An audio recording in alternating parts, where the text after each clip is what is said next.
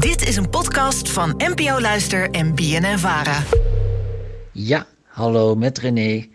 Eh, ik vroeg me eigenlijk af waarom is de, maximale termijn in de politiek eigenlijk vier jaar? Waarom is het niet eh, zes jaar of twee jaar? Nou, bedankt. Alledaagse vragen. NPO Luister. Dankjewel René voor het insturen van je vraag.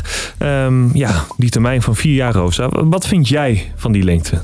Van vier jaar? Ja, te lang, te kort, precies goed. Goeie vraag. Eh, voor wat mij betreft precies goed, denk ik. Ja, Ik denk dat het er goed, eh, zeg maar, als het dan heel lang slecht gaat, dan valt vier jaar nog wel mee, denk ik. ik zit ook eventjes te denken, volgens mij is het ook best wel een tijd geleden dat wij vier jaar lang Ja, een regering hebben gehad. absoluut. Ja, nou ja, toch wel fascinerend waar die termijn dan vandaan komt. Hoe ze precies bij die vier jaar zijn gekomen. En in deze aflevering gaan we van René dus kijken waar dat vandaan komt. En daarvoor schakelden we de hulp in van Loes Petersen. Zij is educatief begeleider bij ProDemos. En dat is de organisatie die alles weet over onze democratie. En Loes ons ook vertellen hoe wij aan deze termijn zijn gekomen. Dus het is dus ook niet altijd vier jaar geweest. Het was tot 1848 bijvoorbeeld was het maar drie jaar. En bovendien is er ook nog een tijd geweest dat de ene helft van de Kamer, die zat dan en dan anderhalf jaar later werd er weer gestemd voor de andere helft van de Kamer en dan weer voor de ene helft. Dus dat was, nou ja, nogal, eh, nogal afwisselend. Op een gegeven moment is er gekozen voor een termijn van vier jaar, omdat je daarmee wel aan de ene kant de actualiteit en de wensen van zeg maar de kiezers eh, kan blijven volgen, maar aan de andere kant ook genoeg tijd hebt om een beetje consistent beleid te maken. Klinkt als een goed, een goed overwogen beslissing. Ja, ze, Vier jaar. ze hebben hier wel over nagedacht. Dus een Ja. beetje het beste van beide werelden. Dus een goede vertegenwoordiging van wat eh, de stemmer wil. En tijd genoeg, als het goed is, om beleid te vormen. Dat hoop je dan maar. Nou, wij begonnen de aflevering al mee. Ehm, er valt natuurlijk altijd wat te discussiëren over politiek. En dat geldt eigenlijk ook over deze termijn van vier jaar. Want sommige mensen zijn van mening dat deze moet worden veranderd. En iemand die daar meer over kan vertellen is Joost Sillen. Hij is hoogleraar staatsrecht aan de Universiteit van Maastricht. En hij legt uit waarom deze termijn ter discussie staat. Voor de Tweede Kamer vindt men volgens mij vier jaar allemaal wel prima. Maar bij de Eerste Kamer is daar wel wat discussie over. De Eerste Kamer wordt steeds politieker. Dat komt omdat er steeds meer minderheden in het parlement zitten. En daardoor is de meerderheid die in de Tweede Kamer bestaat... lang niet altijd dezelfde als die in de Eerste Kamer bestaat. En dat maakt het voor eh, het regeren nogal lastig.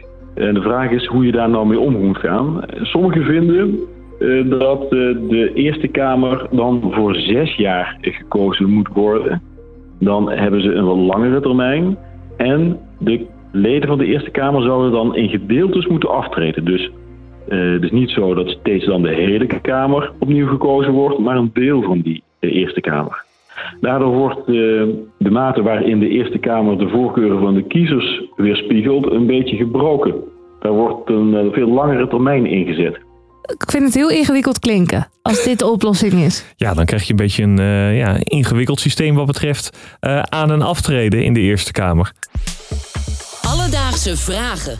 Nou, Rosa, wat we ook vaak in alledaagse vragen doen, is eventjes naar het buitenland kijken. Mhm. Want eh, ja, we zijn wel heel erg gefocust op Nederland. Maar een blik naar het buitenland leert ons tenslotte ook van alles. Ja, nee, je lacht wel, maar het is wel zo. Het is zeker. En dat heb ik voor deze aflevering ook eventjes gedaan. En terwijl ik dat deed, zag ik dat in redelijk wat landen die termijn van vier jaar ook voorkomt. Mhm. Waaronder- Amerika. Ja, daar wilde ik inderdaad naartoe. De Verenigde Staten die hebben dat ook. Een president mag maximaal eh, vier jaar zitten. En daarna is Mhm. de beurt aan een ander. Ehm, alleen wat daar wel het geval is, is dat een president maximaal twee termijnen mag doen.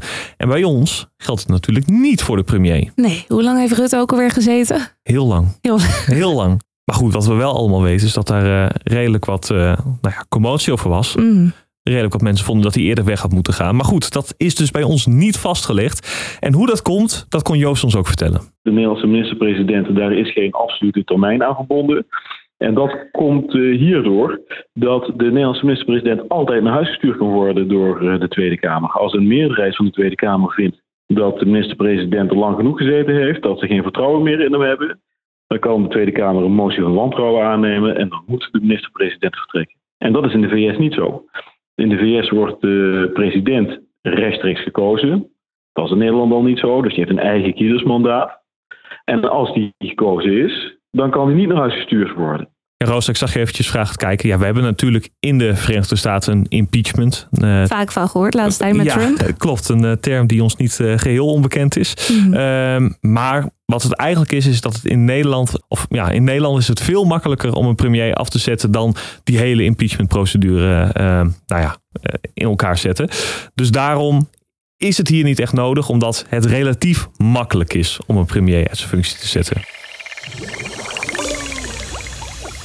Dus René, in deze aflevering zochten we voor je uit waarom een politieke termijn vier jaar is.